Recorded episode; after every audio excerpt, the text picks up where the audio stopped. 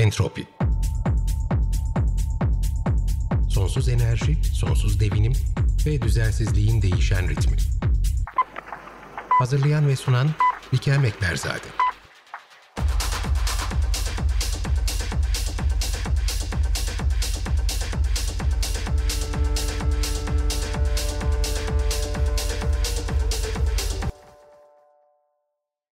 Sevgili Burak hoş geldin. Konuğumuz Burak Çatlıoğlu. Kendisi Jeofizik Mühendisler Odası İstanbul Şube Başkanı. Biz bir süredir Entropi'de biliyorsun Burak belki sen de dinlemişsindir. Baraj, Hatay, Adıyaman e, yani deprem bölgesinde e, olanları Şubat'tan bu yana konuşuyoruz. Entropi'nin hemen hemen her bölümü belki bir tanesi dışında tamamen deprem bölgesine ve oradaki gelişmelere ayrıldı. Belki seninle yapacağımız bu bölgeyle ilgili bir süreliğine kısa bir süreliğine son program olabilir. O yüzden de burada seninle beraber senin de e, ilgi ve uzmanlık alanında olan atık yönetimi çerçevesinde inşaat ve yıkıntı atıkları üzerine çalışmalar. Yani biz bunları nasıl değerlendirmeliyiz? Deprem bölgesinden gelen haberleri sen de gördün. Ee, hepimizi evet. çok üzdü. Özellikle bu moloz atıklarının ekosistemi tahrip edecek şekilde dere yataklarına, zeytinlik alanlara boşaltılması. Bunlar, şimdi sen bu konunun uzmanısın. Bunlar e, sadece e, beton ve yıkıntı atıkları yanında muhtemelen kimyasal bileşimleri de var kendi içerisinde. E, insan ve doğa doğal sağlığına zararlı olabilecek ama bir başka yönü de var bunların. Bunları aslında malzeme yani ham madde olarak da rahatlıkla değerlendirilebilir. Bunların bir geri dönüşüm potansiyeli var. Şimdi bütün bunları e, ben mikrofonu sana bırakacağım ve senden ricam uzmanı olarak bu konunun orada neler yaptı daha doğru yapılabilirdi ve genel olarak da Türkiye'de biz e, özellikle yani burada sadece tabii biz burada depremi konuşuyoruz ama bir de kentsel dönüşüm gerçeği var ve bu kentsel dönüşüm çalışmaları sonrasında çıkan da bir kadar her bölge için bu moloz ve yıkıntı atığı söz konusu. Bunlarla ilgili neler yapılabilir? Ben mikrofonu sana bırakıyorum. Rica etsem hem çalışmalarından bahseder misin ama önce durumu bizim için bir değerlendirir misin? Çok sevinirim. Evet. Hoş geldin. Hoş bulduk. Merhaba Bikem. Ee, öncelikle programa davetin için e, çok teşekkür ediyorum. Hem şahsım adına hem de meslektaşlarım adına. Meslektaşlarım adına diyorum çünkü e, bu çalışmaları bizler yapıyoruz ama topluma e, ulaştıramıyoruz bilgilendirme anlamında. E, bu nedenle de bu programı çok önemsiyorum izleyiciler, e, dinleyiciler açısından. E, tabii 6 Şubat depreminde hayatını kaybeden tüm vatandaşlarımıza da e, Allah'tan rahmet diliyorum ve yakınlarına başsağlığı diliyorum. E, müsaade edersen önce çok kısa bir şekilde biz Jeofizik Mühendisleri Odası olarak neler yapıyoruz e, bunu bir cümleyle bahsedeyim. Tabii tabii lütfen lütfen. Hı hı. Öncelikle toplumu bilinçlendirmek, farkındalık oluşturmak, e, kamu kurum ve kuruluşlarında afet risklerini azaltmaya yönelik bu tip çalışmalara e, yön vermek, jeofizik mühendislerinin yasal haklarını gözetmek için faaliyetler sürdürüyoruz. E, bu e, enkaz konusu da bunlardan e, bir tanesi diyebilirim. E, tabii bugün e, 6 Şubat depremleri sonucunda oluşan e, enkaz ve buna bağlı olarak inşaat ve yıkıntı atıklarının e, bertarafıyla ilgili e, özel bir konuyu konuşacağız. E, tabii normal şartlarda bu inşaat ve yıkıntı atıkları olarak e, isimlendiriliyor yönetmeliklerde. Neden dersek çünkü e, bir afet oluşmadan da inşaat ve yıkıntı atığı oluşabilir. Nasıl oluşabilir? Kentsel dönüşüm projeleriyle oluşabilir. Biz eski yapılarımızı yıkıyoruz. E, buradan çıkan e, inşaat ve yıkıntı atıklarını da döküm sahalarına ulaştırıyoruz. Şimdi döküm sahalarının e, verimli kullanılmasının ve planlanmasının önemi de e, afet anında ortaya çıkıyor. Bakın 6 Şubat sonrasında e, oluşan inşaat ve yıkıntı atıkları ve enkazlar, afet atıklarını e, dökecek yer bulamadık. Neden? Çünkü döküm sahalarımız planlı değildi. Aslında e, AFAD'ın tam planında yani Türkiye Afet Müdahale Planı'nda e, enkaz kaldırma çalışma grubu var. Yani her ilin e, bu plan çerçevesinde e, döküm sahalarını belirlemesi gerekiyor. İş makinalarının nerede konuşlandığını belirlemesi gerekiyor. E, buna bağlı olarak da e, bu iş makinalarının e, ve e, enkazların düzenli bir şekilde e, depolanması gerekiyor. Peki düzenli bir şekilde demekten kastımız nedir? İşte burada jeofizik mühendisleri devreye giriyor. Öncesinde planlama aşamasında e, katı atık sahalarının, e, döküm sahalarının yerleri jeofizik çalışmalarla e, çevre mühendisleriyle, maden mühendisleriyle, inşaat mühendisleriyle birlikte belirlenmesi gerekiyor. Neden? Çünkü e, bu depo sahasındaki atıkların e, sızdırmaz bir bölgede depolanması gerekiyor bu atıkların. E, bu sızdırmazlığı sağlamak için zemine geotekstil denilen malzemeler serilebilir, kil malzemeler kaplanabilir. E, bu tip çalışmalarla e, katı atık depolarının oluşturulması gerekiyor.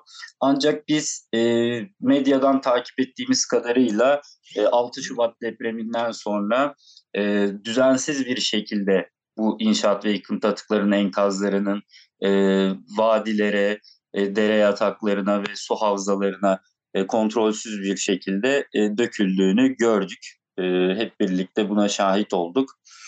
Ee, tabii. Ve sonrasında da lafını kesiyorum ama küçük bir araya gireceğim Burak. Hatta e, sonrasında da çağrı yapıldı. Yani e, senin şu anda söylediğin şey o kadar önemli ki bu jeoteksille beraber e, bu depo alanlarının altlarındaki sızdırmazlığı sağlamak e, ki biz burada gördüğümüz şey su kaynaklarına dökülen ve e, su suyun aşındırma kuvvetiyle beraber çözülecek ve bu su kaynaklarına e, karışma potansiyeli çok yüksek ve karışacak. E, aslında atıklardan bahsediyoruz. Tabii ki yani bu hem yeraltı su, sularına e, çevre kirliliği açısından hem de üstü de yine geçirimsiz bir malzemeyle örtü tabakasıyla kaplanmadığı için bu oluşan tozlar, asbest tozları e, akciğer kanserine kadar sebep olabiliyor ya da tarım alanlarındaki ekolojik e, yapının üzerini e, tamamen kaplıyor. E, bunlar da tarım ürünlerinin ve tarım topraklarının da verimliliğini de düşürüyor aynı zamanda ilerleyen yıllarda. E, bu nedenle e, katı atık sahalarının depolanması konusuna biz çok önem veriyoruz. Ülkemizde bununla ilgili örnekler var mı? Tabii ki güzel örnekler de var. Ee, ben incelediğim raporlarda özellikle bu depremden sonra e, birçok üniversite, kamu kurumları, STK'lar e, raporlar hazırladılar. Birçoğunu okumaya çalıştım. E, Karadeniz Teknik Üniversitesi Jeofizik Mühendisliği bölümü Karadeniz'deki, Karadeniz bölgesindeki birçok ilin atık sahalarının hem depremsellik yönünden hem de çevre jeofiziği yönünden bu şekilde çevreye etkilerini inceleyen çalışmalar yapmışlar. Bunu çok önemsiyorum çünkü bahsettiğimiz üzere e, ilerleyen yıllarda bizim insan sağlığımızı ve tarımdan kaynaklı verimliliğin düşmesi ve yine tarım üzerinden insan sağlığına etkisi e, mutlaka olacaktır. Bununla birlikte özellikle İskenderun limanında afet sonrası bir e, yangın oluştu biliyorsunuz. Buradaki atıklarda oluşan atıklarda acaba radyoaktif bir kirlilik var mıydı? Bunun da araştırılması gerekiyordu. Böyle bir çalışma yapılıp yapılmadığı konusunda e, bir bilgimiz yok.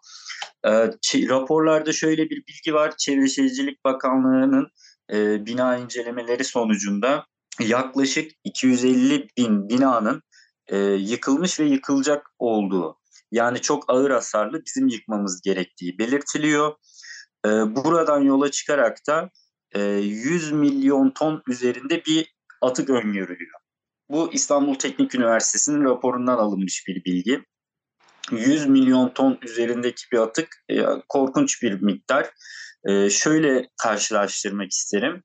buna benzer bir çalışmada İstanbul Büyükşehir Belediyesi'nin bir çalışması var. 7,5 büyüklüğünde olası bir İstanbul depreminde e, hangi bölgeler daha çok etkilenecek ve ne kadar e, enkaz oluşabilir diye olasılıksal bir çalışma yapılmış. Bu da e, Deprem Zemin Müdürlüğü ile Boğaziçi Üniversitesi tarafından yapılmış bir çalışma.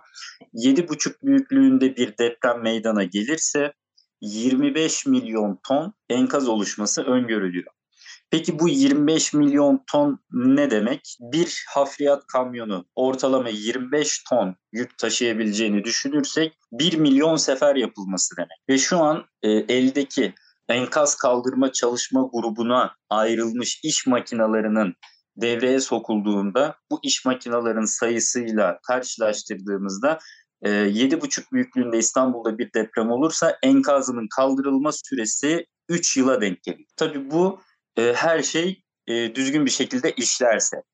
Tabii burada bu çalışacak kişilerin ailelerinin afetten etkilenmesi durumu var, kendilerinin afetten etkilenmesi durumu var, yol kapanma durumu var.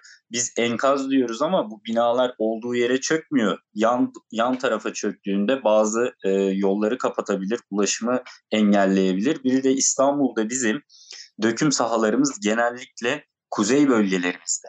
Şile'de, Arnavutköy'de, Silivri'de bu bölgelerde ama bizim yerleşimimiz İstanbul'un en çok güneyinde yoğunluk olarak. Ve en çok depremden etkilenecek ilçelere baktığımızda örneğin Fatih ilçesini ele alalım. E, kayıp tahmini olarak en çok kaybın enkazın oluşacağı öngörüsü bu ilçede. E, ilçelerden bir tanesi. Şimdi Fatih'ten enkaz ve inşaat yıkıntı atıkları döküm sahalarına ulaştırılacağı noktada güneyden kuzeye doğru bir e, gidiş olacak. Tabii burada e, hem lojistik anlamda zorluk var hem de e, yol kapanmaları konusunda zorluk var. E, adalar konusunda hiçbir öngörü yok. Şimdi adalarda oluşabilecek e, yıkıntılara karşı nasıl bir önlem alınacak? Bu e, orada oluşan atıklar nasıl bertaraf edilecek? Yerinde orada mı bir çözüm üretilecek? Yoksa İstanbul'un kara alanına getirilip orada mı bir çözüm üretilecek? Bunlarla ilgili öngörüler yok. Ancak bu raporda e, şöyle bir ifademiz var. Kentsel dönüşüm sonucunda oluşan atıkları biz tamamıyla çöp olarak nitelendiriyoruz ve döküm sahalarına götürüyoruz. Bu şekilde de döküm sahalarını verimsiz kullanmış oluyoruz. Aynı zamanda İstanbul gibi Türkiye'nin en kıymetli ilinde arsa kaybı oluşturuyoruz. Hem alan kaybı olarak ekonomik bir kaybımız var, çevresel bir kaybımız var hem de başka türlü bir ekonomik kaybımız var. Bunu çöp olarak değerlendirdiğimiz maddelerden bizler karayollarının altına dolgu malzemesi olarak kullanabiliriz.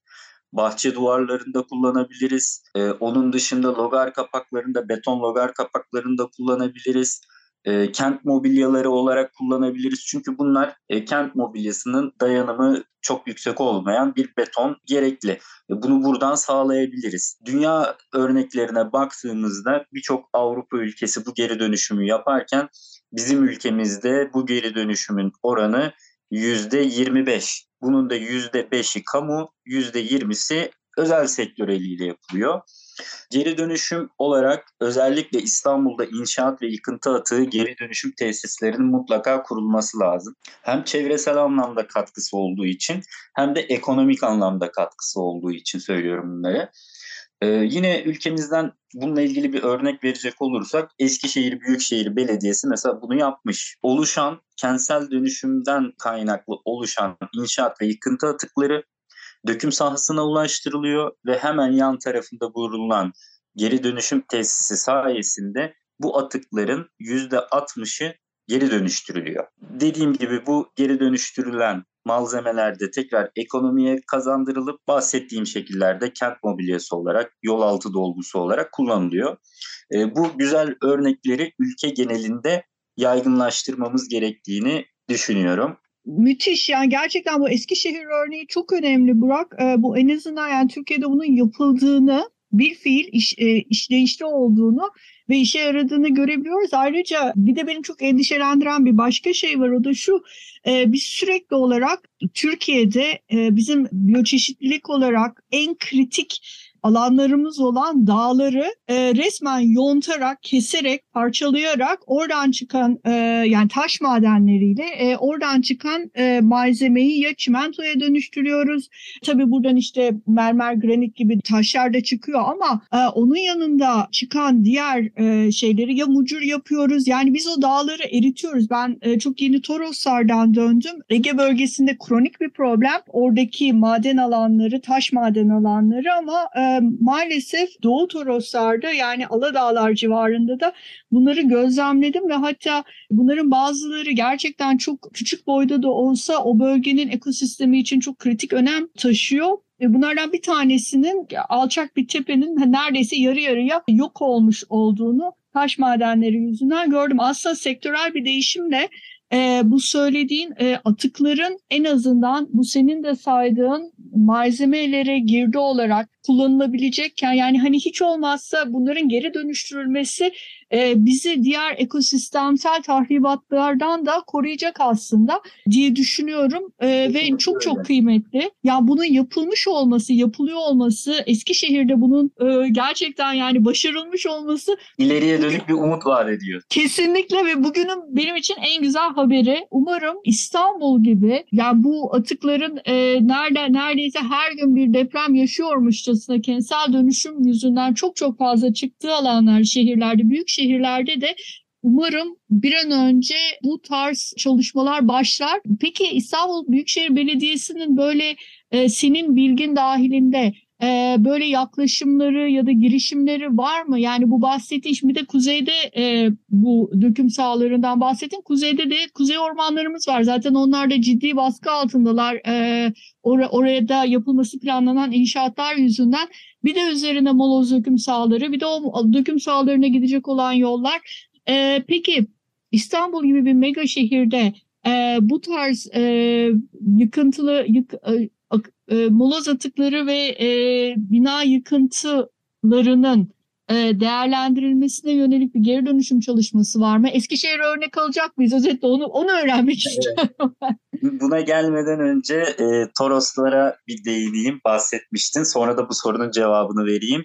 E, ben de Antalyalı olarak o bölgede e, bizim de ilçe ve köylerimizde çok fazla taş ocakları var. Aslında buradaki sorun şu ee, biz madenciliği çevreci bir şekilde yaparsak çok fazla da etkilememiş oluruz. Ancak biz madencilik anlayışımız biraz problemli.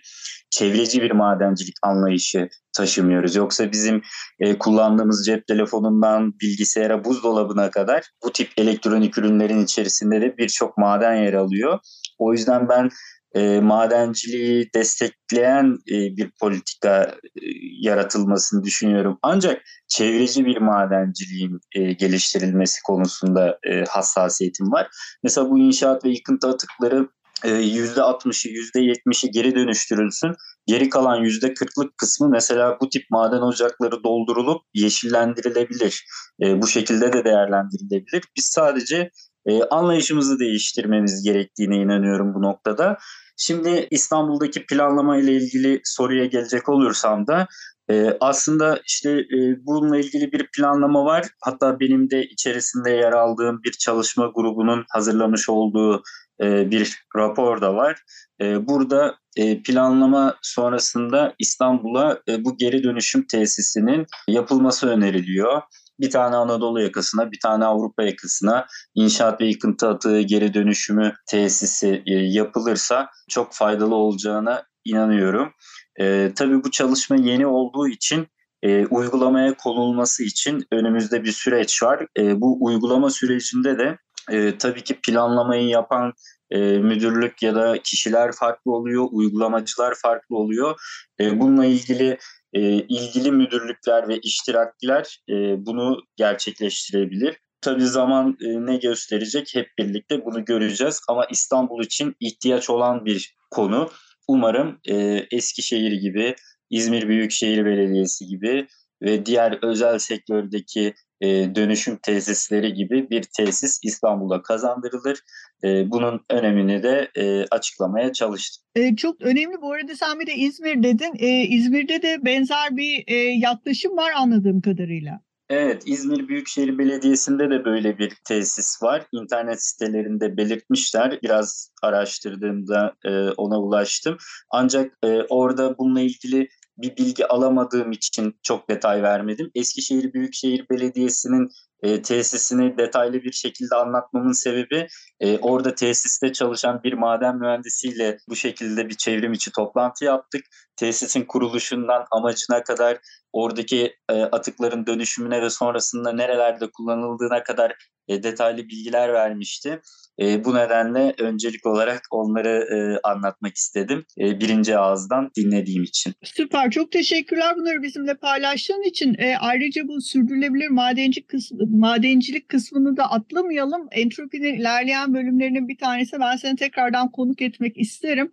Ve bunu Türkiye'de nasıl başarabiliriz? E, çünkü az önce çok güzel şeylerden bahsettin. Açılan maden sahalarının daha sonra belki atıkların geri kalanken dönüştürülemeyen kısımlarıyla e, belirli oranda kapatılıp ondan sonra belki üzerine yapılacak toprak dolguyla tabii bunların e, değil mi jeostatik e, hesaplamaları yapılarak öyle üstün körü değil. E, bu çünkü bayağı ciddi bir iş. Orada ilerleyen zamanlarda toprak kayması olmamasını, e, heyelan potansiyelinin azalmasını yani en azından o eğim stabilitesinin korunmasını da e, hesaba katmak gerekiyor. E, yani bunlar çok çok kapsamlı işler ama bizim elimizin altındaki e, senin gibi hani konunun uzmanlarıyla e, farklı farklı konuların uzmanlarının bir araya geleceği, e, akademinin bu işin içinde olacağı çözümler çok rahatlıkla aslında niyet olduktan sonra çok rahatlıkla oluşturulabilir. Burada da e, niyet derken e, İstanbul Büyükşehir Belediyesi'ne gitmek geri dönmek istiyorum. Şöyle e, bu aslında e, anladığım kadarıyla biraz da hassas bir konu. Çünkü e, az önce sen de çok güzel bahsettin. Yani bunu planlayan ekip ayrı, bunu uygulayacak ekip ayrı. E, ama e, burada eminim ki eğer e, toplumsal bir destek ve hatta talep olursa bu moloz atıklarının, e, yıkıntı atıklarının geri dönüştürülmesi konusunda bir bilinç oluşturabilirsek biz e, ve e, bu da e, sosyal bir e, talebe ve sosyal bir desteğe e, bu konunun arkasında dönüşebilirse belki de İstanbul Büyükşehir Belediyesi'nde e, bu işin biraz daha hızlı yürümesine sağlayabilir. E, siz de Jeofizik Mühendisleri Odası olarak eminim e, bu tarz talepleri e, toplumla buluşturmaya hedefliyorsunuz. Yani bu da, bu da sizin oluşum nedenlerinizden bir tanesi. Son olarak programı bitirmeden evet. biraz da bu işin bu kısmından bahsedebilir miyiz? Evet yani dediğim gibi e, zaten programın başında da e, AFAD'ın Türkiye Afet Müdahale Planı'nda aslında bunların yer aldığını ama uygulanmadığını söylemiştim.